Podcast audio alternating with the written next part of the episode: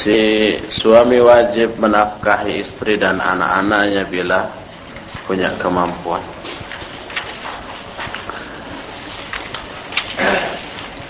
Dan apabila si suami kikir padahal dia punya harta tapi tidak mau memberikan nafkah yang mencukupi maka si istri boleh mengambil harta suaminya secara diam-diam sekedar untuk memenuhi kebutuhan dirinya dan anak-anaknya. Sebagaimana dalam hadis Hindun yang sudah kita bahas.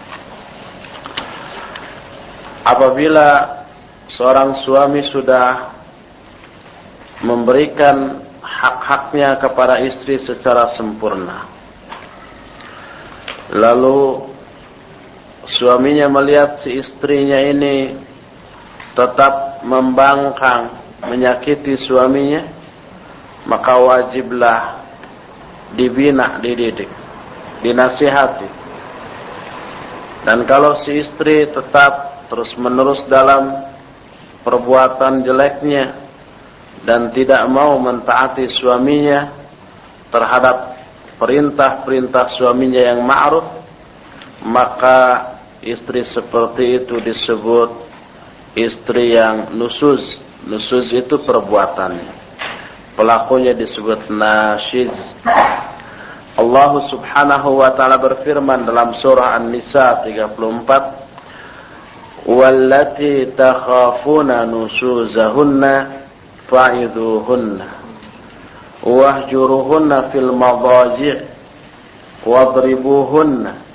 فإن أطعنكم فلا تبغوا عليهن سبيلا إن الله كان عليا كبيرا dan wanita-wanita yang kalian khawatirkan mereka akan berbuat nusuz maka didiklah mereka dan pisahlah mereka dari tempat tidur dan pukullah mereka maka apabila mereka telah mentaati kamu maka janganlah kalian mencari-cari jalan untuk menyalahkan mereka.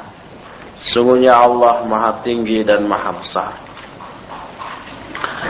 Imam Syafi'i rahimahullah ketika menafsirkan ayat ini beliau berkata wa fi dzalika dilalatun ala ikhtilafil mar'i fi ma tu'atabu fihi وتعاقب عليه فإذا رأى منها دلالة على الخوف على الخوف من فعل وقول وعظها فإن أبدت نشوزا هجرها فإن أقامت عليه ضربها Kata Imam Syafi'i rahimahullah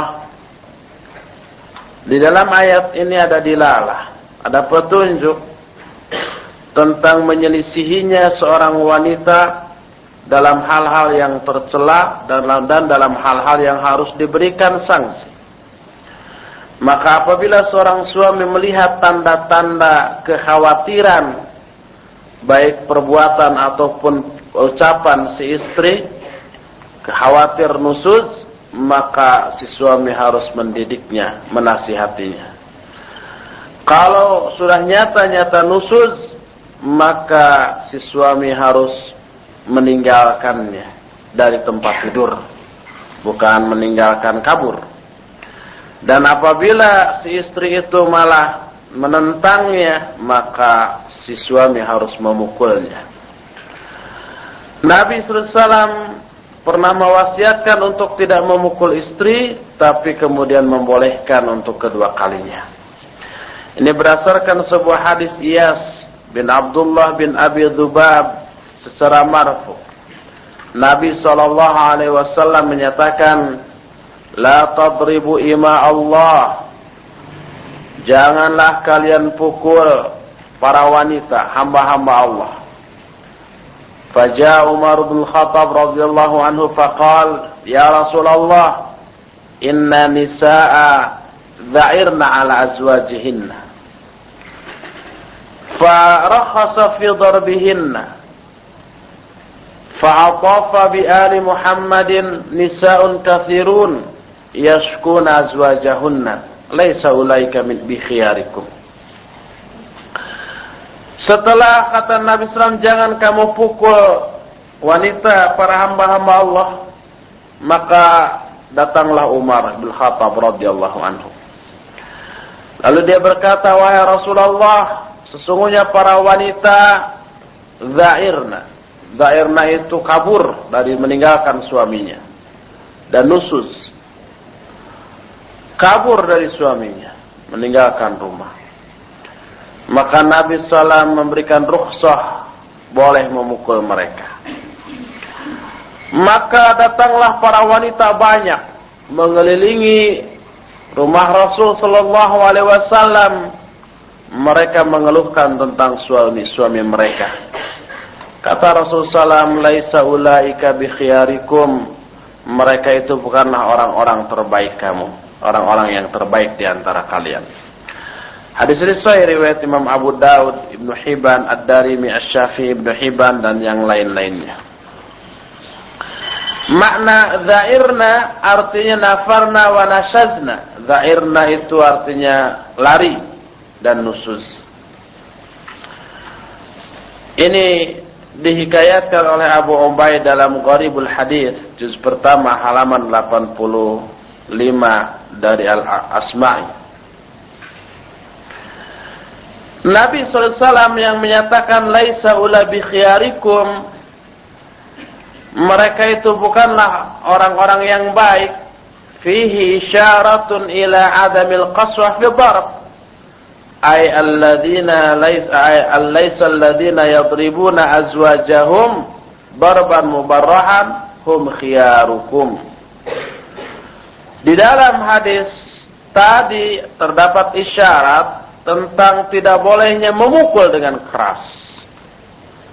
Yaitu maksud hadis ini orang-orang yang memukul istri-istrinya dengan pukulan yang menyakitkan mereka itu bukanlah orang-orang baik.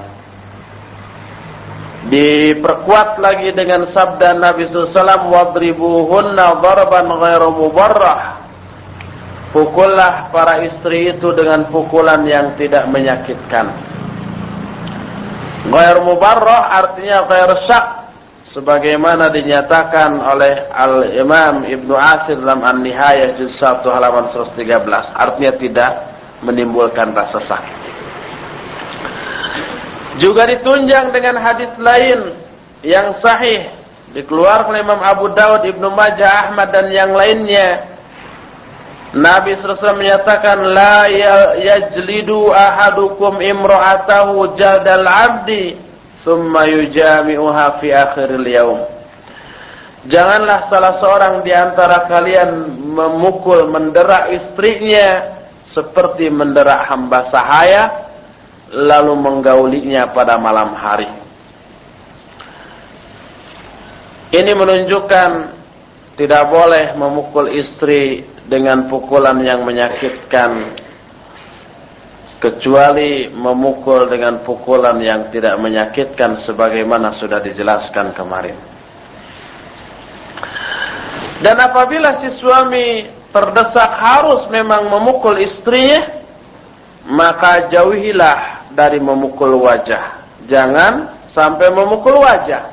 Karena memukul bagian wajah adalah haram. Banyak hadis tentang hal ini. Di antaranya Nabi SAW menyatakan la tadribil wajha wa la tuqabbi wa la tahjur illa fil bait. Janganlah kalian pukul wajah. Jangan tuqabbi, jangan menjelek-jelekan si hitam, si jeding dan seterusnya. Dan wala tahjur illa fil bait. Janganlah kamu tinggalkan istri, kamu pisah istri kecuali masih di dalam rumah. Jadi ketika meninggalkan istri memisahkan tempat tidur, tempat tidur saja, tidur di kursi lah. Atau di kamar lain yang tidak sekamar dengan istri. Hanya harus kuat mental dari nyamuk umpamanya. Juga dalam hadis lain, "Idza daraba ahadukum falyajtanibil wajha wa la yaqulanna ahadukum qabbaha Allahu wajhak fa inna Allah ta'ala khalaqa Adam ala suratihi kata Nabi sallallahu alaihi wasallam apabila salah seorang di antara kaum memukul jauhilah memukul wajah. Dan janganlah di salah seorang di antaramu berkata qabbahallahu wajhak semoga Allah menjelekkan rupamu. Karena sungguhnya Allah telah menciptakan Adam dalam bentuknya. Hadis ini sahih riwayat Imam Bukhari dan Imam Muslim dan bagaimanapun marahnya seorang istri kepada suami tidak boleh si istri meminta tolak meminta cerai kepada suami seperti yang diajarkan oleh Ajhazatul I'lam Al-Fajirah Linnas. Ajhaz itu media. Media elektronik atau media cetak. Yang fajirah. Baik media elektronik itu radio, video, TV, media cetak, koran, majalah yang memuat kisah-kisah perceraian para artis, orang para pejabat, orang-orang terkenal itu mengajarkan perceraian, tuntutan cerai seorang istri kepada suami. Jangan seperti itu yang diajarkan oleh mereka. Kita bermohon kepada Allah mudah-mudahan terhindar dari hal itu. Kalau seorang istri menuntut cerai dari suami maka haram bagi istri itu bisa mencium baunya surga. Sebagaimana dalam sebuah hadis, ayyuma imra'atin sa'alat jaujaha talaq min ghairi ba'sin fa haramun 'alaiha raihatul jannah. Siapa saja wanita yang meminta cerai dari suaminya tanpa bas, tanpa dizalimi oleh suami, maka haram bagi wanita itu mencium baunya surga. Hadis ini sahih riwayat Abu Daud At-Tirmidzi Ibnu Majah dan yang lain-lainnya.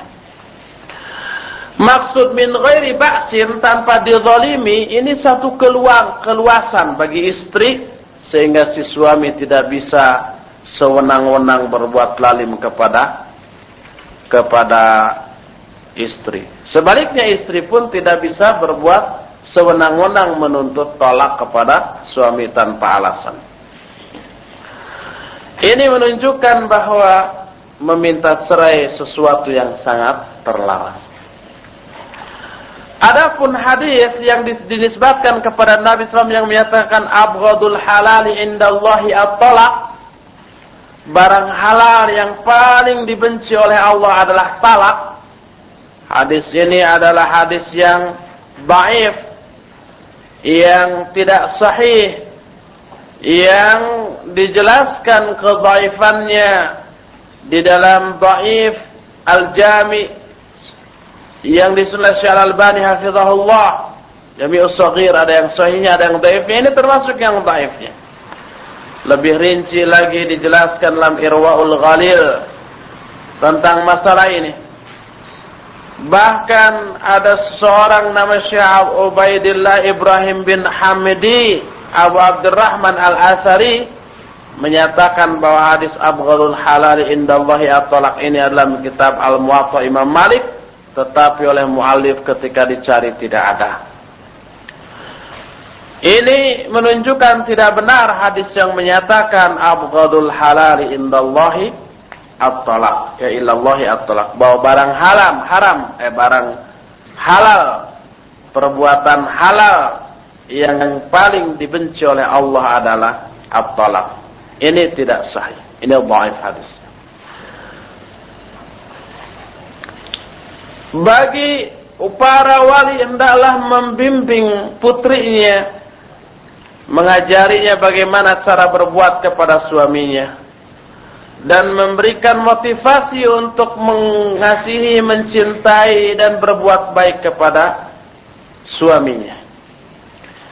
Berdasarkan hadis Umar bin Khattab radhiyallahu anhu dia menyatakan, "Wa kunna ma'syara Quraisyin naghlibu nisa'ana falamma qadimna 'ala al-ansar إذا هم قوم تغلبهم نساؤهم. فطفق نساؤنا يأخذن من أدب نساء الأنصار. فصخبت على امرأتي فراجعتني.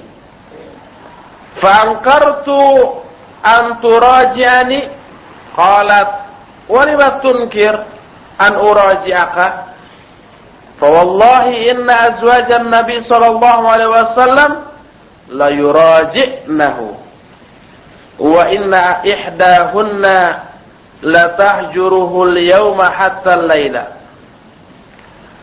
فأفزعني ذلك فقلت لها قد خاب من فعل ذلك منهن.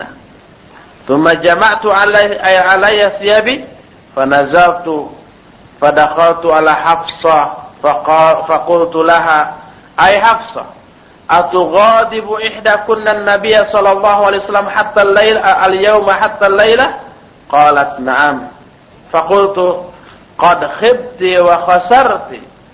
أفتأمنين أن يغضب الله لغضب رسوله صلى الله عليه وسلم فتهلكي la taqtasirin Nabi sallallahu alaihi wasallam wa la turaji'ihi fi syai'in wa la tahjurihi wa salini ma badalaka Kata Umar bin Khattab radhiyallahu an, kami orang-orang Quraisy itu mendominasi kaum wanita bisa ngatur dominan peranannya mengatur istri dan istri tak. Ketika kami pindah ke Madinah ke Ansor, kami temukan Ansor itu orang-orang yang dikalahkan oleh istri-istri mereka. Istrinya lebih lebih dominan. Maka jadilah para istri-istri kami mengambil adab kebiasaan bangsa Ansor. Yaitu berani kepada suami. Suatu ketika aku membentak istriku, eh dia balas membentak. Fangkartu anturaji'ani aku mengingkari balasan dia. Eh kenapa malas membentak? Kata istrinya, kenapa kamu mengingkari aku membentak kamu? Demi Allah, Sesungguhnya istri-istri Nabi SAW pun membalas bentakannya. Dan sungguhnya salah seorang di antara istri-istri Nabi SAW meninggalkan Nabi pada hari ini sampai malam. Meninggalkan masih di rumah tapi ya tidak tidur bareng sama Nabi SAW. Hal ini mengejutkan aku kata Umar. Lalu aku berkata kepada kepada istriku itu kata Umar. Sungguh rugi orang atau istri-istri Nabi yang melakukan demikian. Lalu aku kumpulkan pakaianku, lalu aku keluar rumah, aku masuk menemui Hafsah. Hafsah ini adalah putrinya, putri Umar bin Khattab dan istri istri Nabi SAW sebagaimana kisahnya sudah dijelaskan. Lalu aku berkata kepada Hafsah, "Hai Hafsah, apakah engkau marah. Apakah salah seorang di antara kalian, di antara istri Nabi marah kepada Nabi SAW pada hari ini sampai malam? Kata Hafsah, ya. Maka aku berkata, khibti wa khasarti. engkau. Binasa engkau. Apakah engkau merasa aman dari murka Allah karena kemurkaan Rasul sallallahu alaihi wasallam lalu kalian binasa? Jangan kalian menuntut banyak dari Nabi sallallahu alaihi wasallam dan jangan kalian membalikan perkataan Nabi dalam satu hal pun dan jangan kalian Nabi sallallahu alaihi wasallam wasallini ma bada'alak maka tanyakan kepadaku apa yang uh, ke kejadian yang menimpa. Ini Umar bin Khattab radhiyallahu anhu mengisahkan kisah ini dalam sebuah hadis sahih. Diriwayatkan oleh Imam Bukhari, Imam Muslim, At-Tirmidzi dan yang lain-lainnya dengan sanad yang sahih. Inilah beberapa penjelasan tentang kewajiban istri terhadap suami dan suami terhadap istri dengan rincian dalil-dalilnya dan sesampainya di sini selesailah sudah pembahasan tentang masalah adab-adab pernikahan sejak mulai sebelum hitbah ketika nazar ngintip ketika hitbahnya ketika walimah ketika e, bergaul dengan istri dan seterusnya dan seterusnya selesai bagian yang pertama. Insya Allah bagian yang kedua kita akan berbicara tentang bagaimana mendidik anak, mengurus dan memelihara mereka sampai selesai. Sebelum kita melanjutkan kepada bagian yang kedua ini sebagai refreshing bagi kita agar nggak ngantuk, saya akan buka dulu forum tanya jawab tentang masalah-masalah tadi yang insya Allah setelah beres tanya jawab dan waktu masih ada kita akan lanjutkan menuntaskan kitab ini. Alhamdulillah Hadis Man mata wa laisa alaihi imamun mata mitatan jahiliyah. Ibnu Abi Asim dihasankan oleh Syekh Al-Albani hafizahullah. Minta penjelasan dari para ulama tentang hadis di atas. Ya, ada hadis yang senada dengan hadis ini banyak. Di antaranya man mata wa laysa fi unuqihi bay'atun mata mitatan jahiliyah. Riwayat Muslim sahih. Barang siapa orang mati dan tidak ada ikatan bai'ah di dalam kuduknya mata maka matinya mati jahiliyah.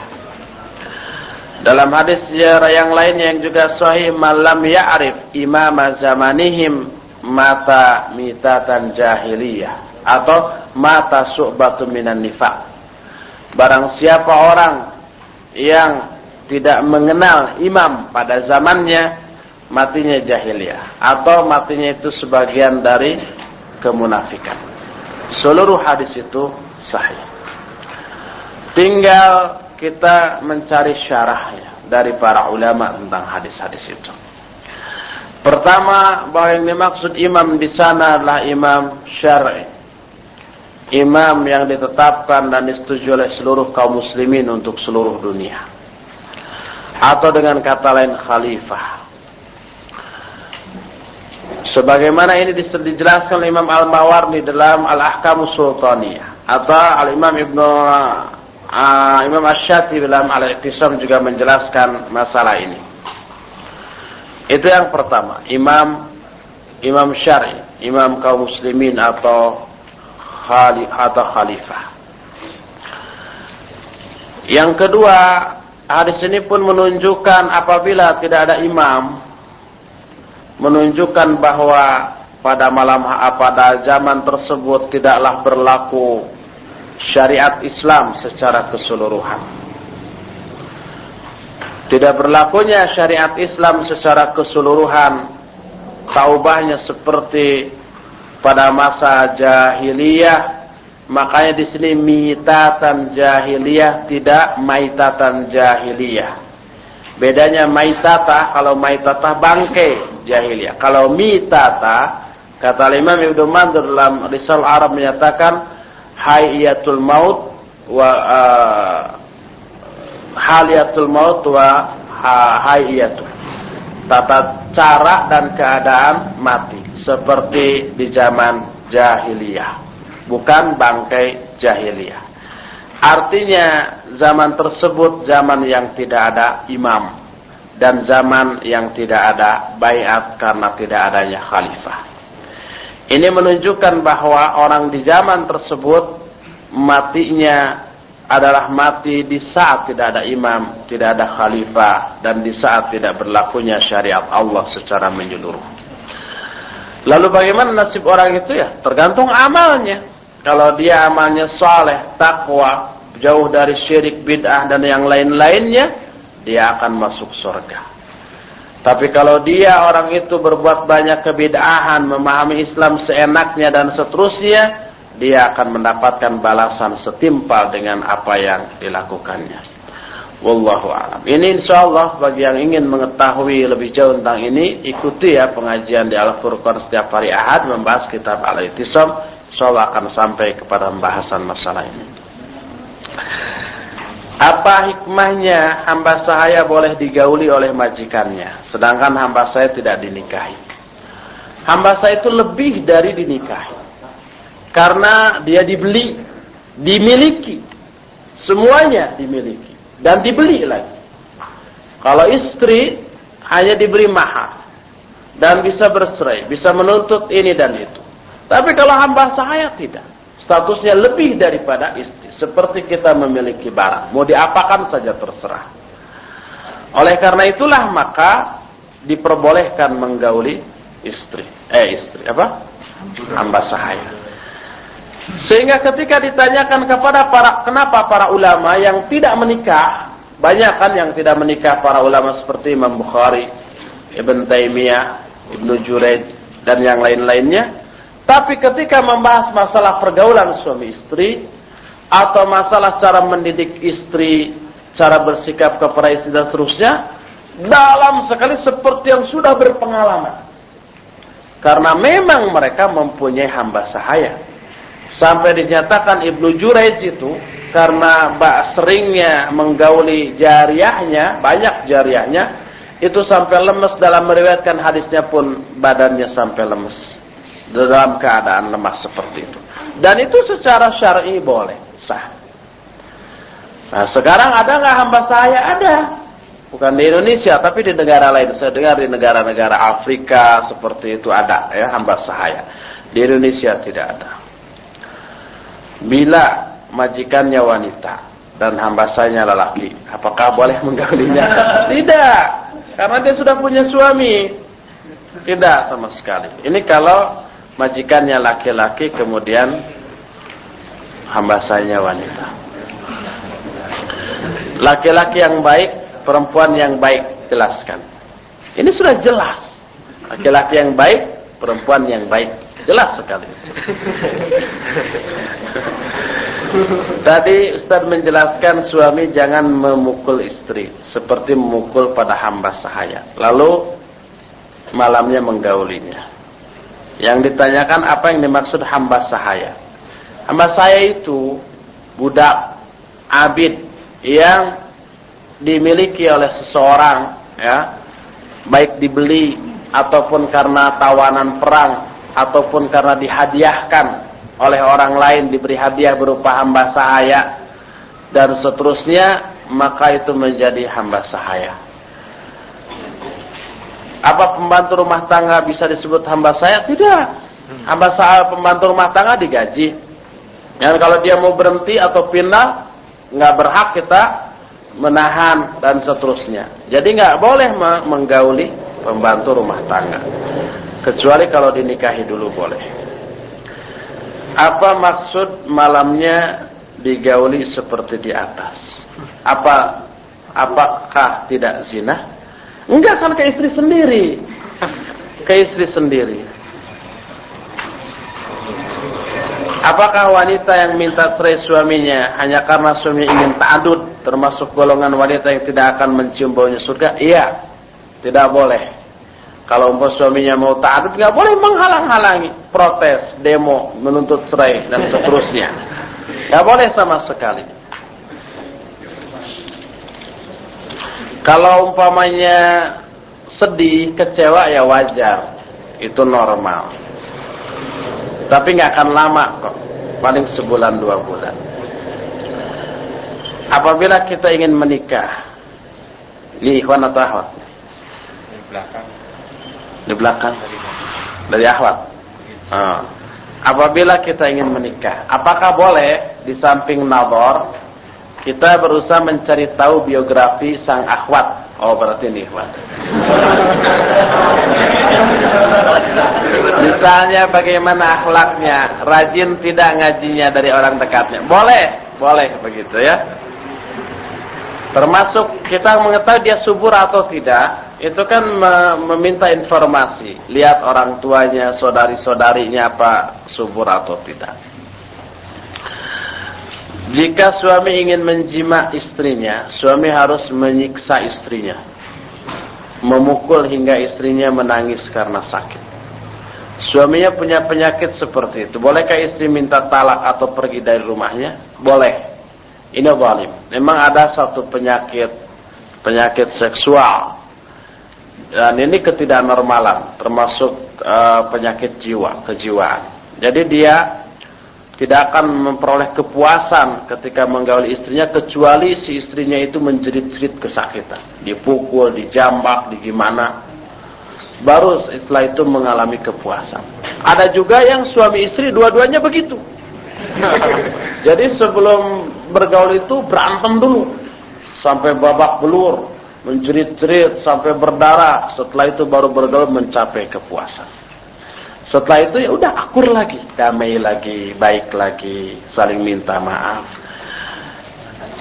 Ini kalau si istri seperti itu, uh, suaminya seperti itu, maka boleh dia, karena itu termasuk perbuatan zalim. Apakah bila anak laki-laki yang sudah menikah tidak mempunyai tanggung jawab tua dan adik-adiknya, padahal mereka membutuhkan biaya? tetap punya tanggung jawab mendakwahi mereka dan kalau punya kemampuan menolong orang tua dan adik-adiknya. Kalau umpamanya orang tua butuh bantuan, dia mampu memberi bantuan tapi dia nggak mau memberi bantuan ya dosa, salah. Jika hamba sahaya boleh diapaskan saja, apakah setelah digauli boleh dijual kembali? Boleh. Bagaimana kalau hamil? Kalau hamil, teruskan hamilnya. Nggak apa-apa. Dan kalau punya anak, ya itu dinisbatkan kepada uh, bapaknya. Dan si ibunya tidak lantas merdeka. Kecuali kalau tuannya mati. Maka otomatis merdeka anaknya dan ibunya dan ini yang disebut dalam ilmu fikih dengan sebutan umul walad. Boleh dijual si wanita itu. Apakah bagi orang Arab pembantu rumah tangga dianggap budak? Tidak. Walaupun tergantung akadnya, ada perusahaan yang nakal. Jadi pembantu rumah tangga itu akadnya dijual dengan harga sekian. Si majikannya orang Arab nggak tahu. Dia meyakini itu transaksi jual beli sehingga memperlakukan pembantu itu seba, seperti budaknya tidak dikasih gaji, dipukuli, digauli, dipaksa dan seterusnya dan mereka tidak merasa berdosa dengan itu. Ada yang seperti itu dan itu tanggung jawab si perusahaan tenaga kerja yang melakukan itu. Langkah-langkah apa saja yang harus Anda jalankan jika ingin menikah? Ikhwan Sedangkan anak belum tahu identitasnya. Bagaimana agamanya. Bentuk rupa atau wajahnya dan yang lainnya. Pertama seperti sudah dijelaskan kemarin istikharah ya. Kalau sudah punya minat artinya sudah normal itu istikharah. Kemudian nazar kepada orang yang kita inginkan dan cari informasi ke kawan dekatnya, ke saudaranya dan seterusnya boleh seperti itu untuk mengetahui bagaimana keislamannya, aktivitasnya, rajin tidaknya. Kalau ingin mengetahui wajahnya, nabar sudah. Boleh diutus umpamanya adik kita, kakak kita untuk menelusuri si calon uh, istri itu. Apakah bolehkah anak menikahi seorang wanita yang berjilbab? Oh, tentu saja boleh. Tetapi pemahaman agamanya berbeda dengan pemahaman salaf. Namun anak berkeyakinan bisa mengajaknya ke pemahaman yang benar. Rasa. Banyak yang begitu. Setelah nikah, bukan itu yang terbawa, dia yang terbawa. Ya. Karena orang yang tidak terdidik dan tidak terbina, tuntutannya dunia terus nanti. Diajak ngaji susahnya bukan main. Seperti ada wanita yang mau nikah, Kata laki-laki yang berkerudung dulu lah. Enggak nanti kalau udah nikah baru pakai kerudung. Setelah nikah jangankan pakai kerudung. Tambah ketat pakaian. Sulit, lebih sulit lagi. Tapi ini tidak berarti haram menikahi mereka. Enggak, silakan sah-sah saja. Jangankan menikahi sesama muslimah, kita pun boleh kan secara hukum. Hanya itu tidak afdal. Yang lebih afdal tentu saja mencari calon istri yang solihah sehingga kita tidak harus capek-capek mendidik, membina, ngajak ngaji. Energi dan waktu kita habis untuk itu. Padahal kalau dipergunakan untuk yang lain akan lebih bermanfaat. Penghibahan seorang akhwat, eh, seorang wanita kepada seorang laki-laki, apakah mensyaratkan kesolihan laki-lakinya ataukah kepada laki-laki yang mana saya yang ingin dikiriki? Terserah akhwat kepada siapa aja laki-lakinya. Yang jelas kalau dia demen, ya boleh menawarkan dirinya. Akan tapi ketika akan dinikahi tetap harus dengan mahar. Kalau yang kepada yang soleh, afdal tentu saja ya. Bagaimana caranya agar siap nikah secara mental dan fisik? Bagaimana caranya mengetahui kesiapan untuk menikah? Sebelum menikah, setiap orang merasa belum siap. Semua orang. Karena apa? Karena masih masih sama. Dunia yang akan dimasukinya karena apa? E, kayak apa? Mampukah saya mendidik istri? Mampukah menafkahinya? Mampu nggak bersikap baik, baik kalau istri itu menangis karena alasan tertentu atau tanpa alasan? Ini dan ada yang tanpa alasan, tiba-tiba nangis, suaminya bingung, ngapain nangis? Setelah beres ditanya, kenapa nangis? Memperkenalkan itulah nangis saya. ada yang seperti itu. Sudah bingung-bingung suaminya. Eh? Semua orang sebelum memasuki dunia pernikahan tidak yakin bahwa dirinya siap. Tapi setelah memasukinya ternyata kesiapan itu teradaptasi dengan sendirinya. Nah, apa namanya merasa diri oh kekurangan saya sebelum menikah itu begini nih. Setelah pernikahan kedodoran nama ini dia perbaiki dalam masalah ini. Oh dalam masalah lain juga ada yang kedua perbaiki. Begitu bertahap sampai sudah ada yang sudah puluhan tahun sudah punya cucu menikah, sudah punya cucu gitu ya, tetapi rumah tangganya masih banyak kekurangan, banyak yang seperti itu. Nah ini menunjukkan untuk mengetahui siap tidaknya mental seorang untuk menikah, ini tidak bisa ditentukan, diketahui. Yang jelas siapa pun yang masuk ke dunia pernikahan tidak akan apa uh, perubahannya tidak akan total seperti yang dikhawatirkan. Jangan-jangan pas masuk ke dunia pernikahan nggak sanggup menghadapi istri kemudian cerai dalam waktu sepekan. Enggak. Insya Allah nggak seperti itu.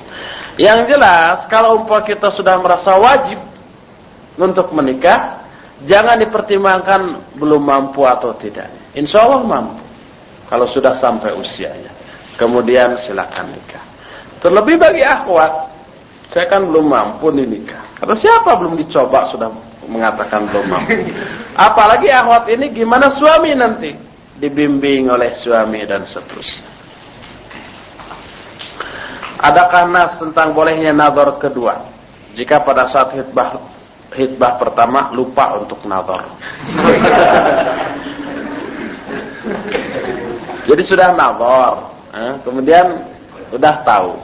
Sudah sepekan kemudian lupa lagi gimana wajahnya gitu ya. Nggak boleh lagi, nggak boleh. Eh, nggak boleh nador yang kedua. Kecuali kalau ketika khidbah itu belum nador. Seperti sahabat tadi mau nikah, kata Nabi sudah nador belum? Belum. Nador dulu, nador. Kalau itu sudah khidbah, mau nikah. Ini menunjukkan nazar boleh sebelum khidbah, boleh ketika khidbah, boleh setelah khidbah. Yang jelas sebelum akad nikah. Gimana kalau sudah akad boleh nazar? Terserah. Bolehkah istri suka membantah suami dengan maksud hanya bercanda? Itu berarti bukan membantah, bercanda.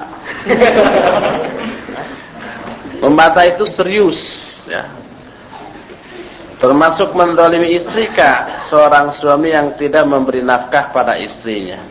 Tergantung, kalau dia mampu tapi tidak memberi, ya itu zalim. Tapi kalau dia nggak mampu, mau ngasih apa?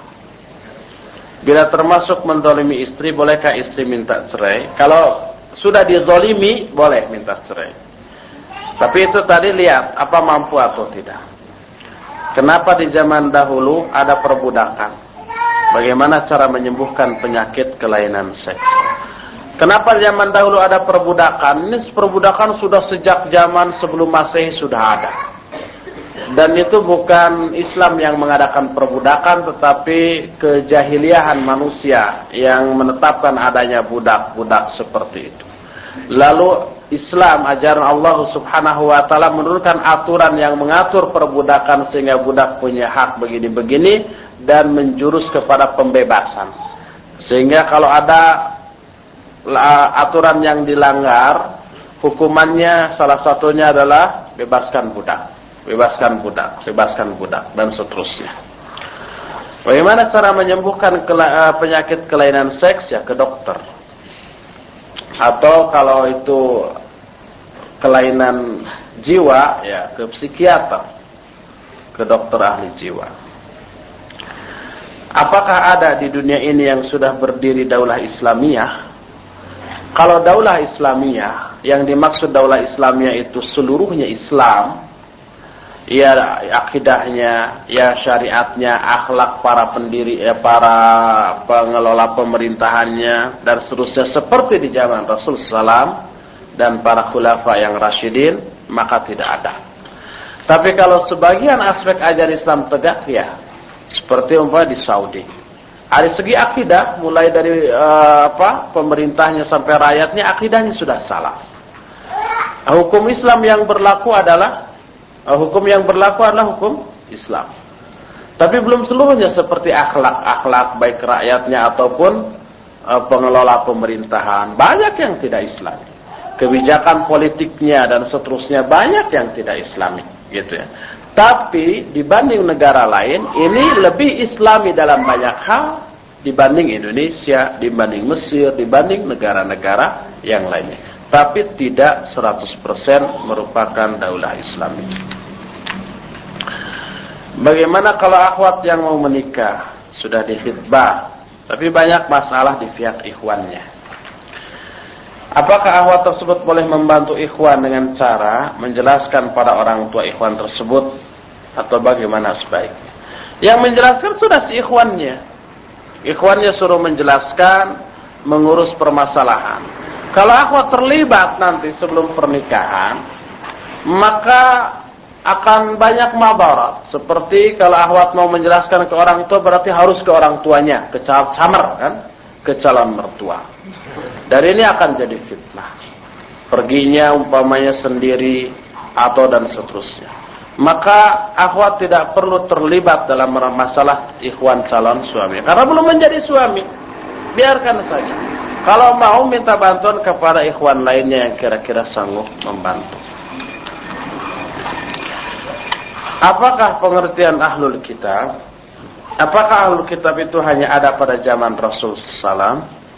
Apakah ahlul kitab itu Yahudi dan Nasrani? Kalau benar begitu berarti uh, ahlul kitab itu orang kafir. Iya, ahlul kitab adalah Yahudi dan Nasrani. Mereka yang diberi kitab oleh Allah tetapi menyimpangkan kitab itu. Yahudi dan Nasrani lah yang dimaksud ahlul kitab. Ahlul kitab sudah ada sebelum zaman Rasul SAW.